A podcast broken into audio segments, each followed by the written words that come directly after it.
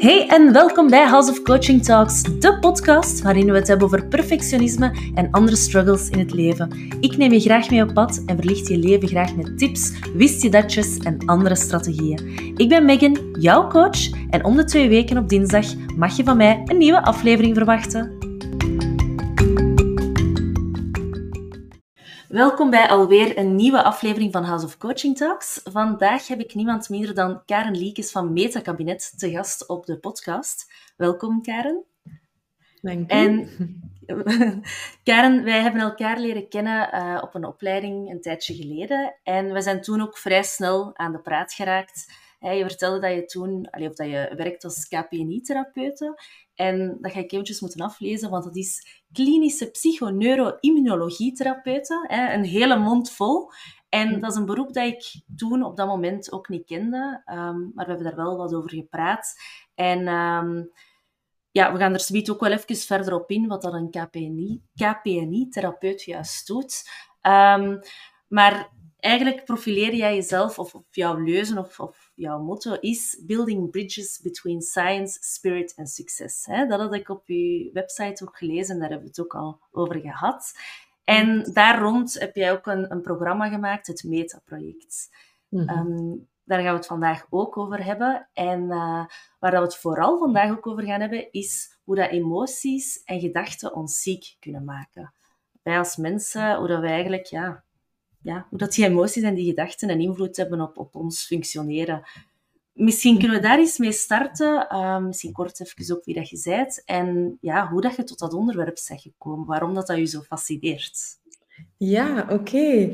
Um, inderdaad, uh, ik denk dat de vele mensen dat ondertussen wel weten, of dat wordt ook in de volksmond zo gezegd, hè, van uh, als je slecht voelt of, of um, je hebt bepaalde emoties of gedragingen of patronen, gedachtepatronen die terugkomen, die eigenlijk een beetje negatief zijn, je kunt daar ziek van worden. De mensen zeggen dat. En dat klopt dus ook echt. Um, nu alleen, het is belangrijk dat dat niet altijd bij een statement blijft of zo, maar dat mensen ook kunnen begrijpen hoe dat dan werkt. En als mensen begrijpen hoe dat iets werkt in ons lichaam, dan krijgen ze daar kennis over en kennis brengt rust. En dat alleen al kan een, een interventie zijn om, om uh, niet alleen zich beter te voelen, maar ook ze krijgen terug controle over die emoties en over die gedachten, omdat ze dan weten hoe dat het werkt, uh, waarom dat je daar ziek van kan worden.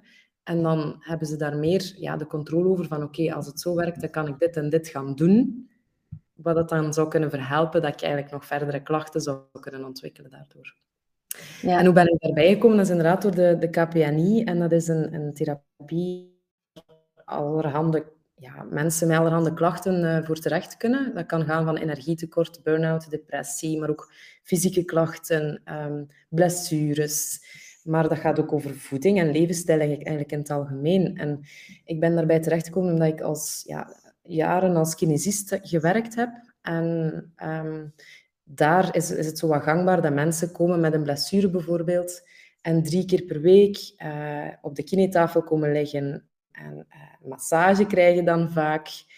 Uh, andere oefentherapie natuurlijk ook. Hè. Dus dat, is wel geëvolueerd naar, naar een, een beter um, manier van werken dan dat het vroeger was. Maar alleszins wat ik vaak zag terugkomen, is dat mensen dus op tafel komen liggen en de vraag van genees mij en, en werk op mijn lichaam, zodat ik beter wordt. Um, maar vaak gingen die mensen, en vooral chronische patiënten, hè, waarom zijn patiënten chronisch? Dat is als iets lange tijd blijft bestaan van klachten en er is niet echt veel verandering in. Vaak merkte ik ook um, dat, dat zij nogal een, een, een ongezonde levensstijl hadden. Dus ze komen drie keer op, per week op de tafel liggen en ze gaan dan naar huis en ze gaan frieten eten en ze hebben geen sociaal contact en er is conflict binnen het gezin en ga zo maar verder. Um, dus voilà, dat, was een heel, voor mij een heel leeg gevoel om dan als kine op de klacht te werken en te weten dat die klant dan gewoon naar huis gaat en in diezelfde patronen terug verzeild geraakt. En zo ben ik dan um, zelf gaan zoeken van hoe kan ik nu niet alleen uitwendig werk doen bij die mensen, maar ze eigenlijk gaan motiveren om, om inwendig werk zelf ook te gaan doen. Door de juiste voeding te eten, supplementen te nemen als dat nodig is, um, beweging, maar ook sociaal contact is heel, kan heel belangrijk zijn en zo verder. En zo ben ik in de orthomoleculaire therapie terechtgekomen, waarbij dat we echt gaan kijken uh, welke vitaminen of mineralentekorten oorzakelijk kunnen zijn van bepaalde letsels. Uh, en hoe kunnen we dat gaan aanvullen door de juiste voeding en zo verder. En daarop volgend ben ik dan PNI gaan studeren en dan uh, kom ik eigenlijk tot waar dat ik nu ben.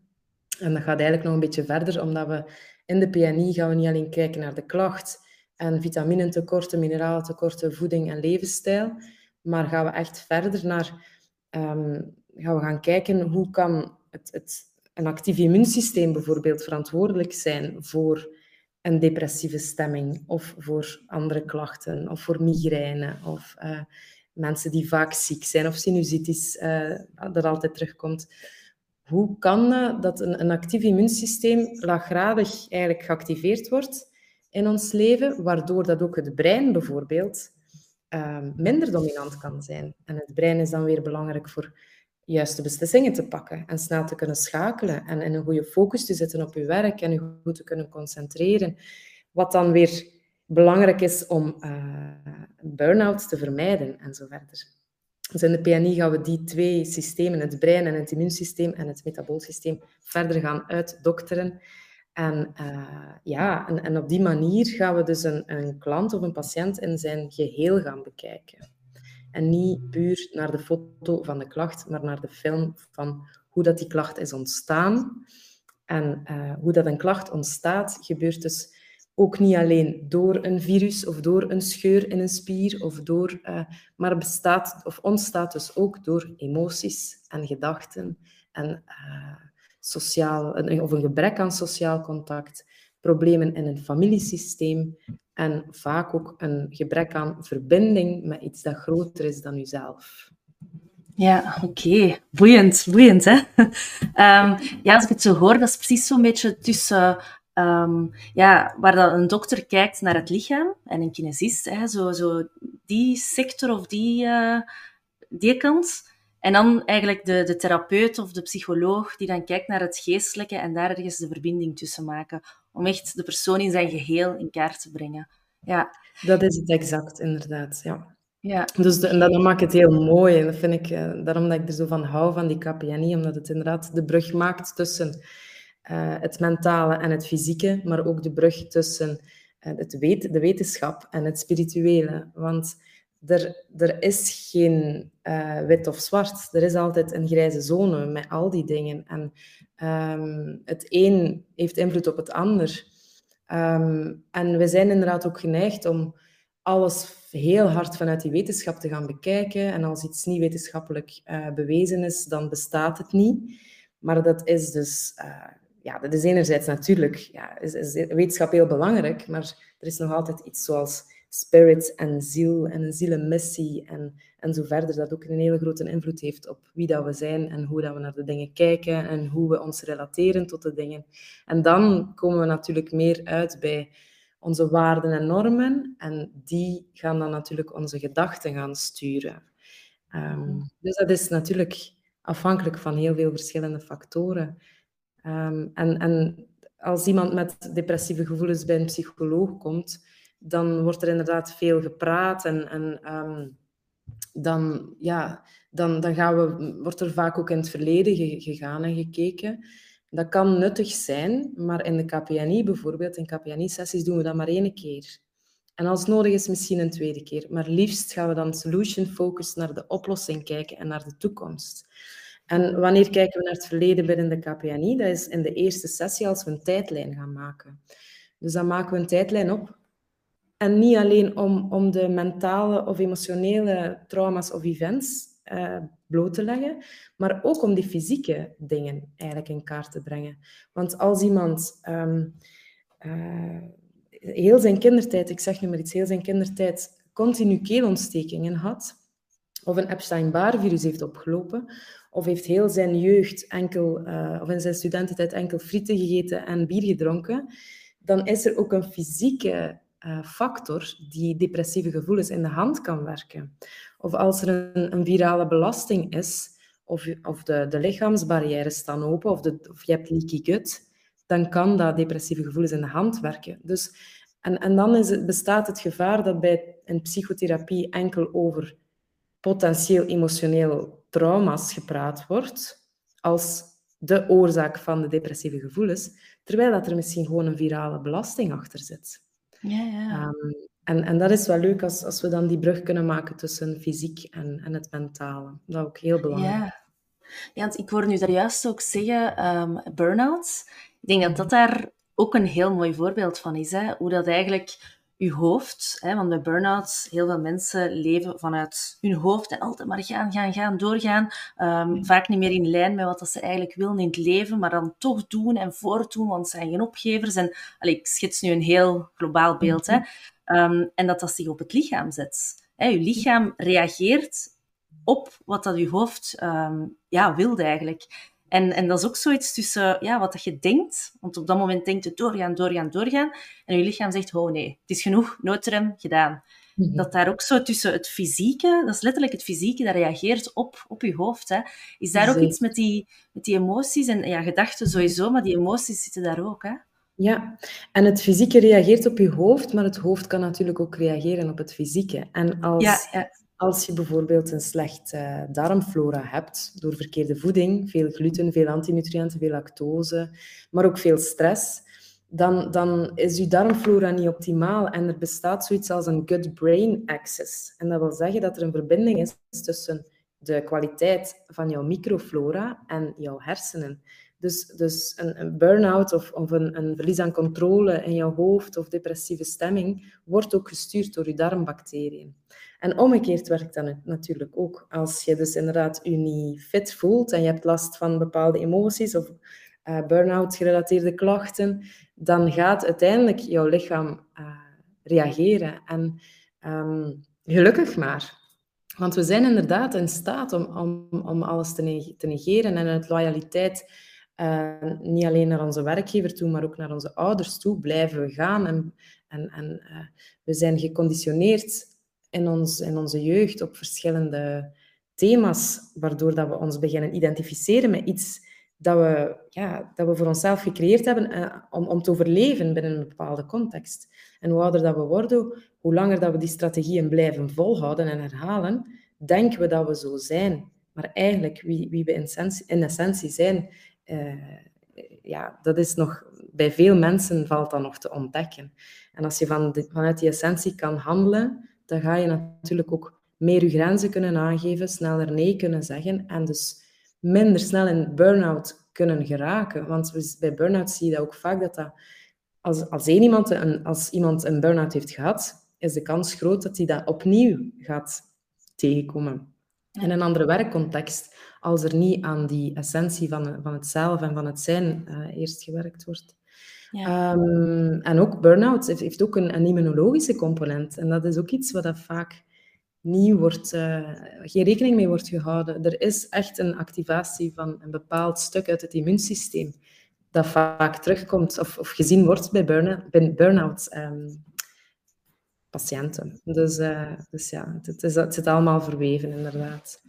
Ja, en uh, emoties, want nu zijn we bezig, uh, of emoties of gedachten, negatievere, hè, dat dan burn-out bijvoorbeeld in de hand werken.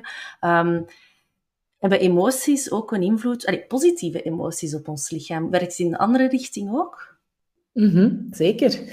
Um, er zijn inderdaad van emoties je hebt enerzijds basisemoties, hè, zoals angst, uh, blijheid, kwaadheid is ook een, een, basisemotie. Um, en, en dat is allemaal oké. En emoties verlopen vooral cyclisch. Dus doorheen de dag voel je natuurlijk van alles.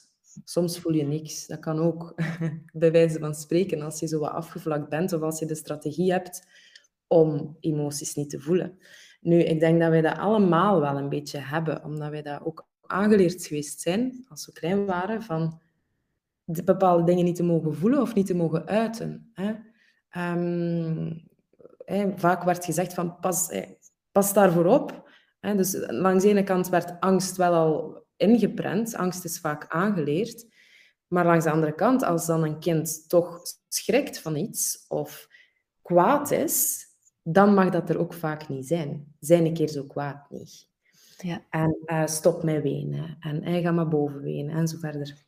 Dus dat is er van in het begin al ingeprent geweest, dat, dat emoties, ja, dat is iets, dat is iets onveilig bijna om te mogen uiten, om te kunnen uiten.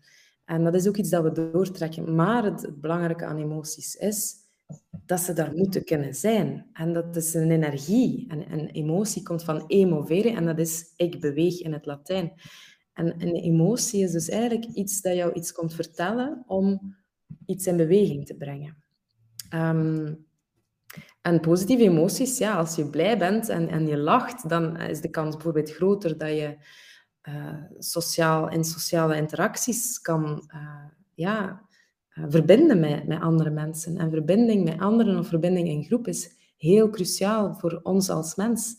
wij hebben dat nodig. Maar omgekeerd, als we dan kijken naar meta-emoties, zoals het ook noemt, dat zijn dan emoties die eigenlijk negatief zijn, zeg maar. Um, maar ook die moeten doorvoeld kunnen worden. Ook die hebben nood aan bestaansrecht. En een meta-emotie bijvoorbeeld is uh, eenzaamheid of um, machteloosheid. Mm um, ja, frustratie, noem maar op. Nu, dat zijn opnieuw zijn dat eigenlijk symptomen of signalen om iets in beweging te brengen. Ja. En een meta-emotie, of ze nu negatief of positief is, nee, een meta-emotie is meestal negatief. Een emotie in het algemeen, of ze nu positief of negatief is, brengt jou in beweging. Nu, door het feit dat we dat aangeleerd hebben gekregen van ze niet te mogen uiten, zijn we ze ook bijna zelfs niet meer beginnen voelen en zijn wij ons vaak niet, zelfs niet bewust van wat er, wat er speelt, wat, dat we, dat, wat, wat we voelen en waar, de, waar we dat voelen. Dus um, ja, een bewustzijn over wat er speelt, welke emoties er zitten en waar zich dat manifesteert in ons lichaam, is stap nummer één. En stap nummer twee is dan om in plaats van die emoties weg te duwen, ze naar boven te laten komen. En dat is natuurlijk, dan is veiligheid natuurlijk heel belangrijk. Dus mensen die dat moeten aangeleerd krijgen, die, die beginnen, die, ik persoonlijk maak dan audiobestanden dat, dat ze eigenlijk kunnen luisteren in een veilige setting waar niemand hen stoort en in een soort van meditatief proces die emoties kunnen oproepen. Waarbij dat we ze groter gaan maken. En als je dan ziet dat emoties cyclisch verlopen, ze komen en ze gaan, dan is dat natuurlijk fantastisch als we die even groter maken, zodat ze dan weer kunnen wegzakken. En dan vaak door ze te doorvoelen, komt er een soort van bewustzijn of besef van oké, zonder te analyseren per se van waar dat, dat komt, maar gewoon het, het, het er mogen zijn, geeft een, een besef van oké, wat kan ik daar nu mee gaan doen? En dan komt er een beweging of een actie, waardoor dat de situatie of die emotie ook verder kan opgelost worden. Ja. En als we emoties niet gaan doorvoelen, dan blijven ze eigenlijk in plaats van cyclisch in extremen, zeg maar, uh, er te mogen zijn, gaan ze zo wat latent in ons onderbewuste aanwezig zijn en zo wat chronisch worden en etteren. En dan mhm. krijgen we een, uh, ja, dan, dan, dan krijgen we een, een, een gemoedstoestand die dan, uh, die dan negatief kan zijn. En dan identificeren we ons daarmee van ik ben altijd um, sip of uh, ik kan moeilijk uh, gelukkig zijn of ik leef vanuit tekorten. En dan worden het gedachten en overtuigingen en dan ben je vertrokken natuurlijk. Ja. En daar kun je dan ziek van worden. Ik hoor u zeggen dat, uh, dat het dan zo latent aanwezig blijft en eigenlijk zo heel de tijd onder de oppervlakte zo precies aanwezig blijft. Maar is dat ook niet zo'n beetje... Allee, het beeld, dat, terwijl je aan het vertellen waart, kwam er direct het beeld naar boven van ehm, die metafoor van de bal dat je onder water duwt. En hoe meer dat je het probeert te onderdrukken, hoe hoger dat die uh, naar boven gaat schieten. Is dat dan ook zo niet het gevolg? Zo eerst ja, lukt het om die een bal zo onder water te duwen, maar dan mhm. uiteindelijk, hoe meer dat je die emoties blijft onderdrukken en hoe harder dat je die begint te onderdrukken, hoe harder dat die een bal omhoog gaat schieten. Is dat dan zo van op een gegeven moment lukt het niet meer? Hè? Ik hoor u zeggen van dan, je zijt dan eenmaal een sip persoon of je voelde nu eenmaal hè, uh, gevoed door tekorten en, en die zaken, totdat het niet meer gaat. Hè, totdat je merkt van, oh, ik wil hieruit komen of, of, of het lukt niet meer of, of zo gaat het niet meer.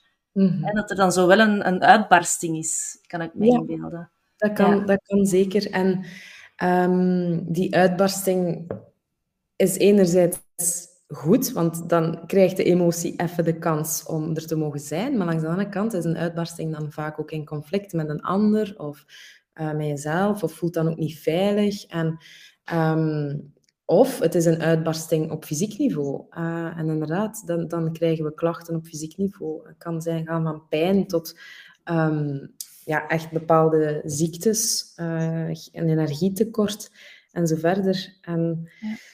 Vaak, merk, vaak uitzicht dat dan, die, die uitbarsting, in een soort van woede, woede-energie, kwaadheid. Uh, en dan dankzij die kwaadheid ook te kunnen uiten, kunnen gaan de laagjes eraf, zoals bij een ajuin, kunnen die laagjes eraf, tot als we aan de kern komen van wat het nu precies is. Ja. Um, dus inderdaad, uh, emoties zijn gewoon heel belangrijk om, om te doorvoelen en, en ze bestaansrecht te geven. En dat kan maar eigenlijk vooral op, op één manier, en dat is echt erbij te gaan zitten in stilte. Mm En, en uh, als je iets voelt opborrelen, wat het ook is, ook al wil je het niet, het is, ik, wil, ik wil dat ook niet, hè, mij gefrustreerd voelen, ik kies daar niet voor, dat is niet fijn. Maar het, het, het is er wel voor een reden. Zoals dat we honger hebben, uh, dat, dat ook een emotie is, en een beweging creëert om eten te gaan zoeken, zodat die emotie van honger gesteld kan worden. Zoals dat we dorst hebben en warmte en koude. Dat zijn allemaal emoties eigenlijk die ons in beweging brengen om een oplossing te vinden voor, voor de, de oorzaak. Zo zijn emoties van frustratie net hetzelfde. Eigenlijk zou dat ons in beweging moeten brengen om een oplossing te vinden aan de hand van een actie om aan de oorzaak van die frustratie iets te gaan doen. En als we er niet toe in staat zijn om die emotie van frustratie er te mogen laten zijn, dan is het ook logisch dat die beweging en die actie daar, die daaruit zou moeten voortvloeien ook niet komt. En dan blijf je natuurlijk in die chroniciteit. Ja, ik denk dat dat vandaag de dag heel, um, heel aanwezig en heel relevant is ook. Ik denk met corona bijvoorbeeld, um, frustratie is iets dat heel aanwezig is geweest bij heel veel mensen. Hè? Die polarisatie dat we gezien hebben van... van over de vaccins, over alles. Eigenlijk dat zo oef, de wereld precies in twee gesplitst wordt, of nog in meer. En dat heel veel mensen zo gefrustreerd worden. Um, en ik vind het ook interessant van, ja, we zoeken naar oplossingen, maar in eerste instantie is het al heel interessant, en daar zit vaak de oplossing ook, denk ik, um, om te kijken van waarom ben ik gefrustreerd, wat is daar? Wat... En heel mhm. vaak, wat, wat ik zelf merk bij mezelf dan, dan spreek ik voor mezelf, is um, als ik over iets gefrustreerd ben, bijvoorbeeld, uh, ik kan me heel hard frustreren in mensen die te laat komen. En um, dus dat is een frustratie van mij, en vroeger kon ik me daar echt zo in opboeien, maar uiteindelijk, ja, dat zegt dat iets over mijzelf. Van wat maakt dat ik mij zo gefrustreerd voel daarover? Wat, wat zit daar juist? En mhm. eigenlijk heeft de ander dan, of de situatie, heeft iets dat ik nog niet heb. En dat is bijvoorbeeld zo het meer laten doen, het meer spontane, het we zien wel, het uh, minder aantrekken van wat een ander. Hè. Ik, ik vind, voor mij is op tijd komen respect, en voor een ander is dat misschien iets helemaal anders.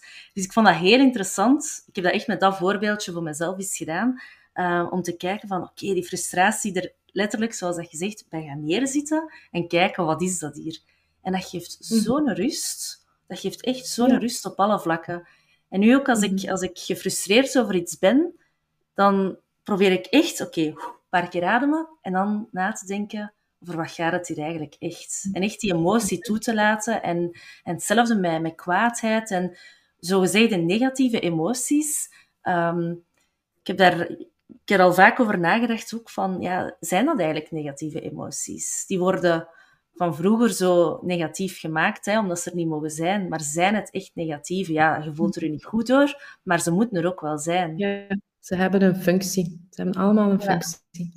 Ja. En inderdaad, zo het, het, het, erbij gaan zitten en gaan doorvoelen. Um, ik zou nog een stap verder durven gaan en dat is het even niet te analyseren. Want inderdaad, achter alles zit een, een oorzaak. En, maar door, door, als we erbij gaan zitten en we gaan analyseren, lopen we ook het risico dat we weer in een verhaal gaan belanden.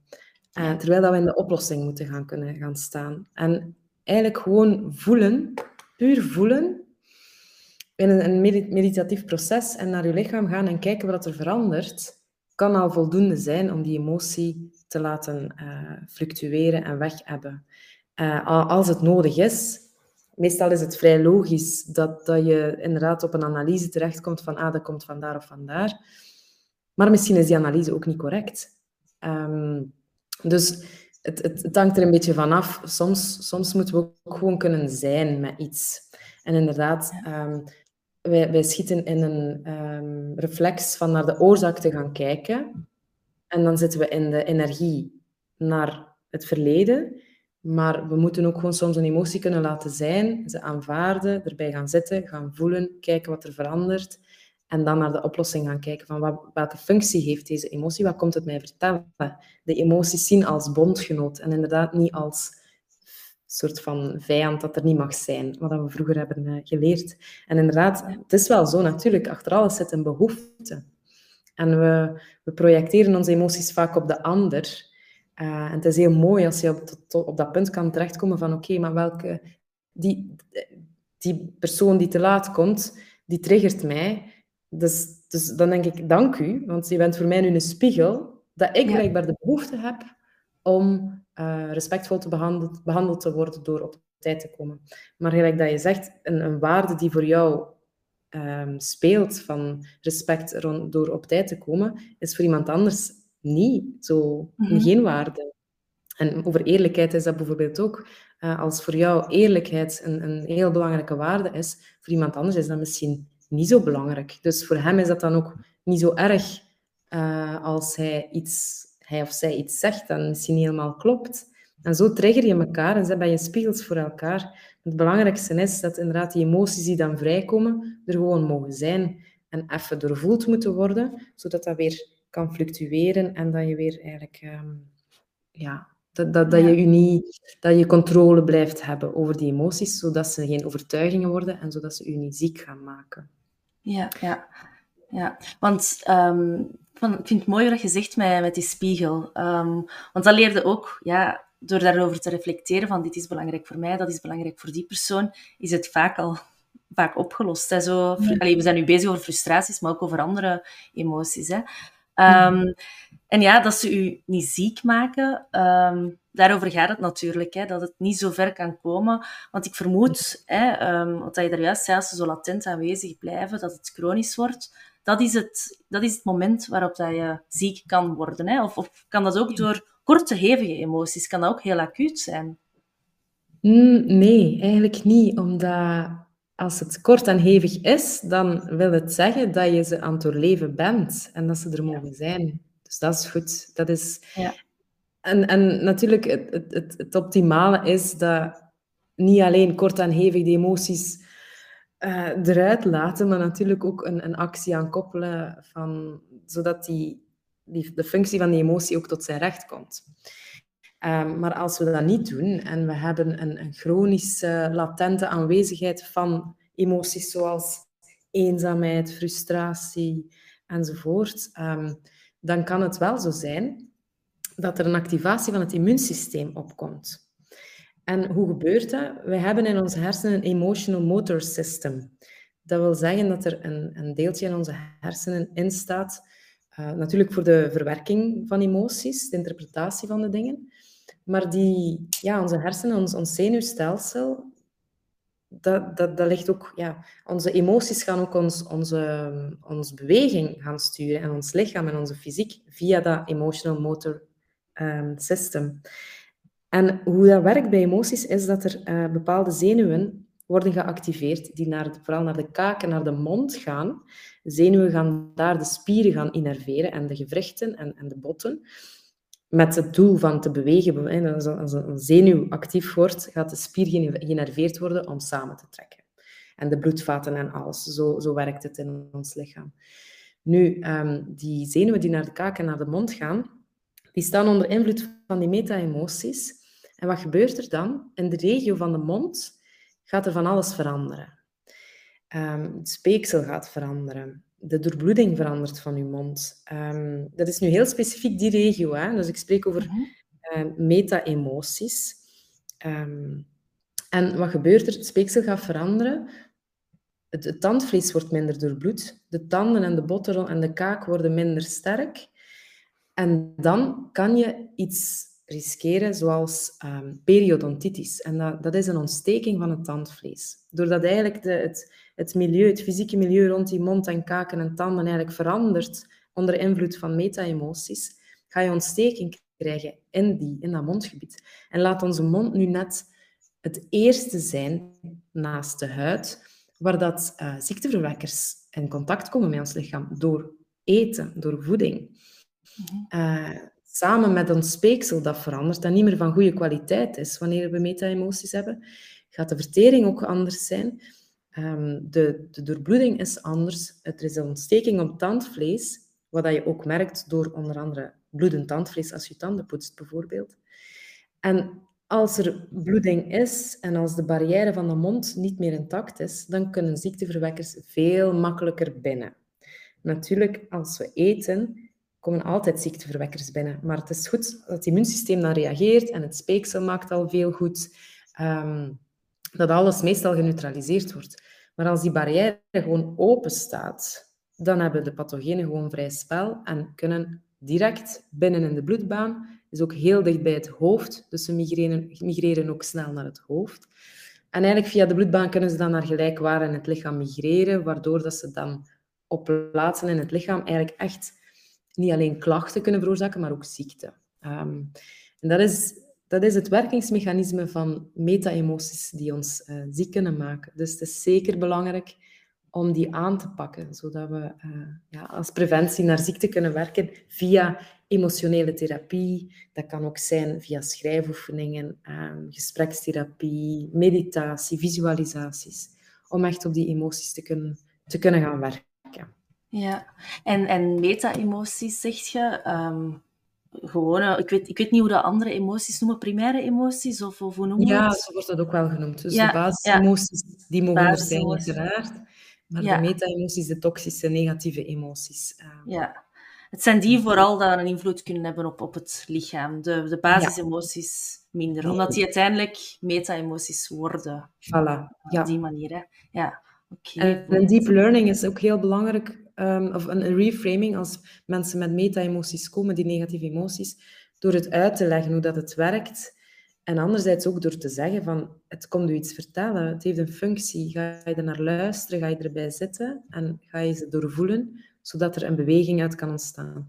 En, en als dat niet voldoende is, dan kan je natuurlijk verder met emotionele therapie gaan werken.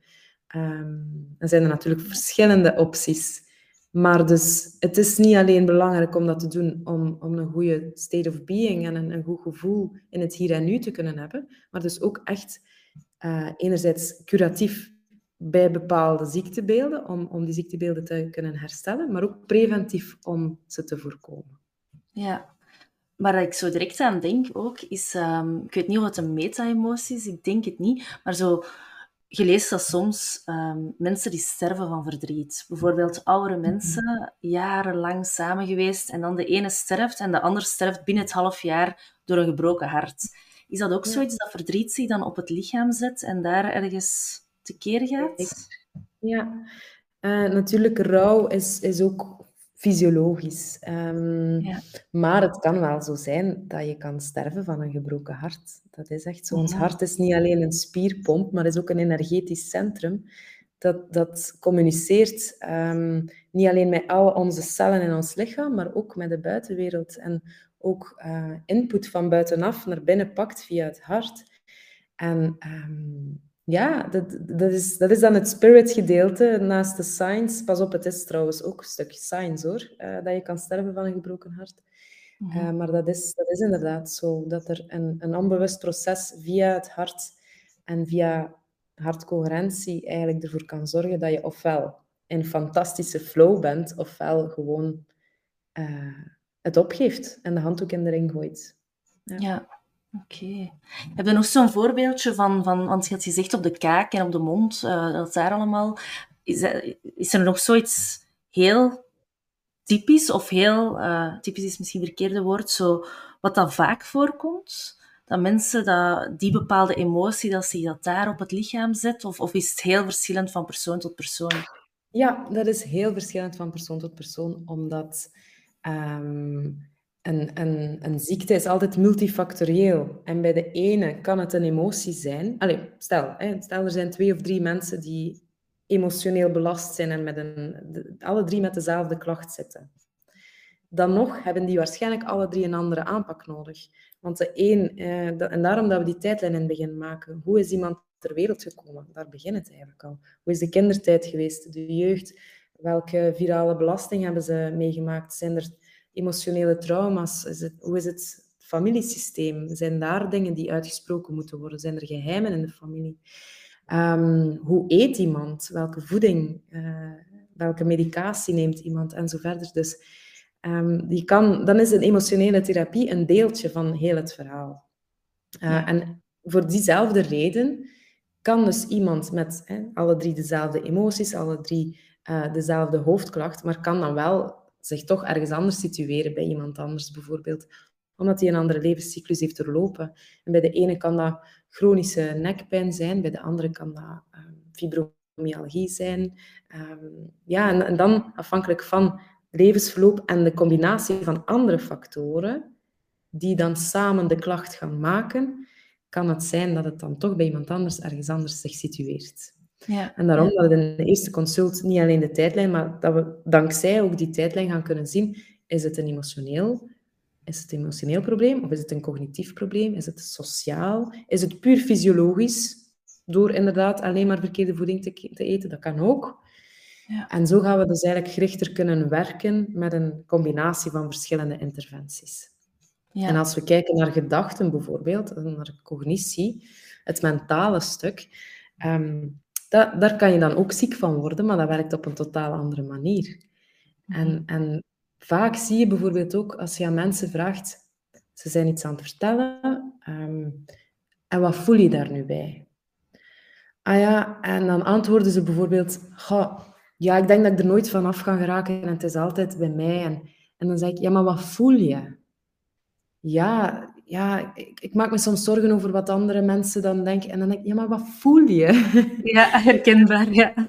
Ja, het is voor heel veel mensen heel moeilijk om te voelen. Ehm, en anderzijds is het ook wel zo dat door die meta-emoties, zeg maar, echt overtuigingen gecreëerd worden. En dan zit je in dat cognitieve verhaal en die gedachtepatronen. Ehm, en als het, vaak loopt het een beetje samen, maar vaak is het wel alleen maar een cognitief probleem. En zijn ze emotioneel vrij oké, maar hebben ze echt gedachtepatronen van waarom gebeurt dit altijd met mij en ik zie geen oplossing en, um, en zo verder. En dan zitten we in het cognitieve verhaal. En hoe verloopt dat? Dat is dan eerder doordat als uw hersenen continu onder druk staan met die gedachtepatronen, vraagt veel energie opnieuw is het een soort van oplossingsstatus, van ik wil een oplossing vinden voor mijn probleem. Maar dat is ook weer cognitief en maar denken en denken en blijven in die gedachtepatronen vastzitten. En wat gebeurt er dan? Um, it's all about energy. En als uw hoofd en uw hersenen zoveel energie vragen, dan gaan andere systemen in uw lichaam even verwaarloosd worden. Zodat al die energie, en dan spreek ik vooral over glucose, suiker, natrium, water, zuurstof, zodat die altijd gewoon naar die hersenen kan gevoerd worden. Ik leg het nu bewust gewoon laagdrempelig en simpel uit, mhm. maar wat dat op neerkomt is die energie, dat, dat, uh, ja, dus de energie, dan bedoel ik, eh, spreek ik even in termen van suiker, dat moet via het bloed naar die hersenen gevoerd worden. Die suiker moet uit de voeding, uit de darmen gehaald worden en moet via het bloed naar de hersenen gevoerd worden. Maar alle andere systemen hebben ook nood aan suiker. Zeker als je juist gegeten hebt of je wil gaan sporten of je bent met van alles bezig.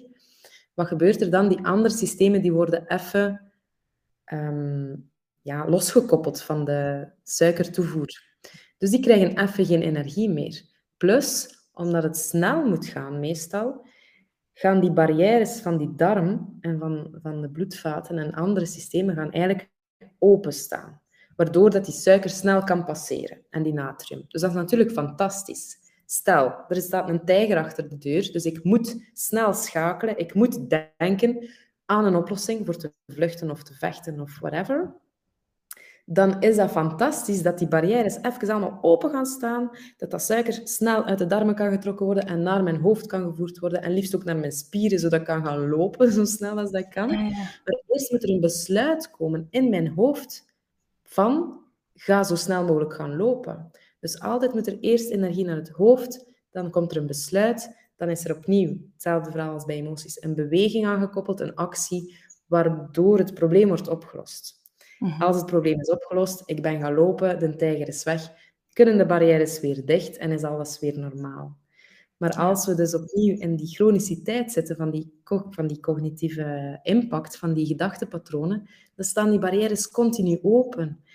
En dan kan niet alleen de suiker en de natrium en zo verder snel naar het hoofd, maar opnieuw kunnen dan weer ziekteverwekkers ook snel in het bloed. Want de barrières staan open. En dan krijg je ontsteking, laaggradige ontsteking. Dat kan ook, uh, dat kan ook natuurlijk weer uh, niet alleen ontsteking, maar echte ziektebeelden uh, opleveren. Hè? En mhm. opnieuw is daar weer het verhaal, waar, waar speelde dat dan af? Afhankelijk van de levenscyclus van die persoon en de andere medefactoren die een rol spelen in de ontwikkeling van die ziekte. Ja, ik, ik, moet direct aan, aan cortisol denken ook opeens. Um, Zit dat daar ook zo wat in hetzelfde verhaal? Van, van als je heel veel stress hebt, dan begin je dat veel aan te maken. Dan kan dat ook alle kanten uitgaan en, en overal in je lichaam verspreid worden. Is dat, werkt dat op dezelfde manier? Ja, ja. dus inderdaad, stress um, activeert de HPA's. En dat is um, een, een, as die vanuit de hersenen begint, vanuit de hypothalamus naar de hypofyse, naar de bijnieren. En in de bijnieren wordt cortisol geproduceerd. Ja. En cortisol staat gekend als een stresshormoon, uh, maar heeft natuurlijk fantastische functies. Ook naast um, regulatie van stress gaat het ook vetverbranding doen. Gaat het de cortisol awakening response doen. Dat wil zeggen dat je s ochtends, als je wakker wordt, het gevoel hebt van, hé, hey, ik ben wakker. Dat is cortisol dat je wakker maakt. Ja. Als je dat niet hebt, dan zou het kunnen zijn dat er een, een, een ja, geen, geen goede regulatie rond cortisol is. Um, maar het is dus inderdaad het stresshormoon. En dan hebben we nog andere systemen die meespelen als we het hebben over stress. En altijd maak ik dan een vergelijking met die tijger die achter de deur staat. Is dat nu een collega waar het niet goed mee klikt? Of is het een conflict met, met een van je ouders dat nog niet opgelost geraakt is? Dat is continu een virtuele tijger die achter de muur staat. En daar wordt heel je systeem op geactiveerd. Altijd opnieuw de energy die naar het hoofd gaat, tot als er een besluit genomen wordt en er iets verandert aan de situatie. Maar als er geen besluit komt en er verandert er niks, blijven die barrières openstaan, blijft hij een tijger achter de deur en blijven dus eigenlijk super kwetsbaar voor, uh, voor alle andere, andere zaken en pathogenen en noem maar op. Ja, al uw kanalen blijven openstaan dan. Letterlijk ook. Ja, figuurlijk, ja. Ja, beide. Ja, ja, ja mhm. oké. Okay. Um, als je zo een, een ultieme tip, een moeilijke vraag, ik weet het maar. ik ga het toch maar proberen. Als je zo'n ultieme tip zou hebben voor mensen van rond heel dit verhaal, waar ze op kunnen letten of, of wat ze kunnen doen, is er zoiets dat je zou zeggen van begin daarmee? En dan, ja, heb je zo'n zo, zo ultieme tip? Mijn ultieme tip was altijd bij mijn patiënten um, leren mediteren. En um, omdat mediteren u... Pas op, het is geen gemakkelijke tip. Hè? Veel mensen... Mm maar de dag van vandaag zijn er veel hulpbronnen om het te leren. Maar naast de deep learning, naast uitleg hoe dat de dingen werken, naast uh, allerhande interventies rond voeding, supplementen, ondersteuning van alle processen, zodat die barrières terug dicht kunnen, zodat, uh, zodat die alleszins ook niet meer door voeding worden opengezet, um, is meditatie toch een heel belangrijke, omdat er een soort zelfbewustzijn dan komt. Um, en de antwoorden zitten binnenin. Maar het is ook een kunst om, om, om stil te kunnen staan, of stil te zijn, en, en stil te zijn met jezelf, zodat die emoties die er dan zitten toch even naar boven kunnen komen in een veilige setting. En zodat je ook bewust wordt van die gedachtepatronen um, en van de conditioneringen waardoor dat die gedachtepatronen zijn ontwikkeld geraakt. En het is dankzij dat bewustzijn dat er dan ook een beweging kan komen en een verandering kan komen. En dan is het zaak van de kleinste verandering maakt het grootste verschil. Dus um, als er bijvoorbeeld een, een conflict, zoals ik zei, een conflict met een van je ouders is, of er is een systemische opstelling nodig, ja, dat is misschien niet de eerste interventie die we kunnen doen. Omdat als er een antwoord komt uit een opstelling, moet je daar natuurlijk wel klaar voor zijn om er iets mee te gaan doen. En dat is met elke soort interventie natuurlijk zo. Mediteren is veilig. En mediteren kan iedereen zelf aanleren, kan je thuis doen en kan echt al een enorme change maken in jezelf bewustzijn en in het gevoel van controle om er iets aan te gaan doen. Ja. En van daaruit kan je dan stapje per stapje moeilijkere interventies gaan doen om meer aan die kern te gaan werken.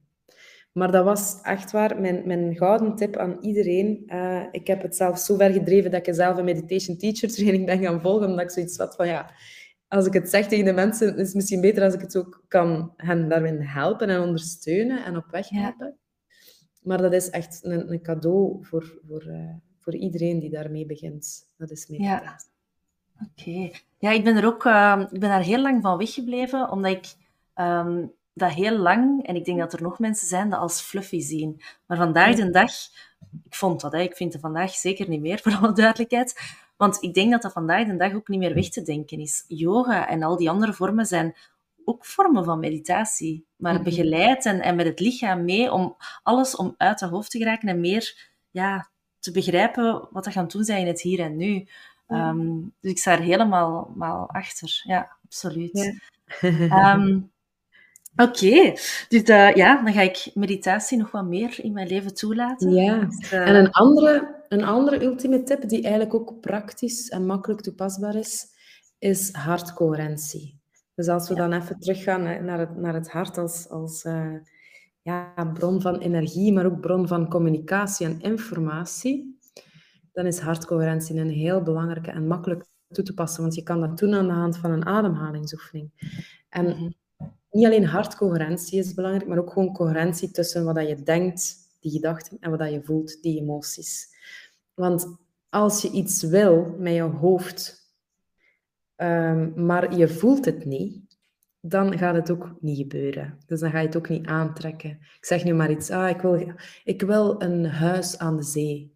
Maar mijn hart zegt, of mijn emoties zeggen, nee, nee, nee, ik wil eigenlijk liever dichter bij mijn familie blijven wonen.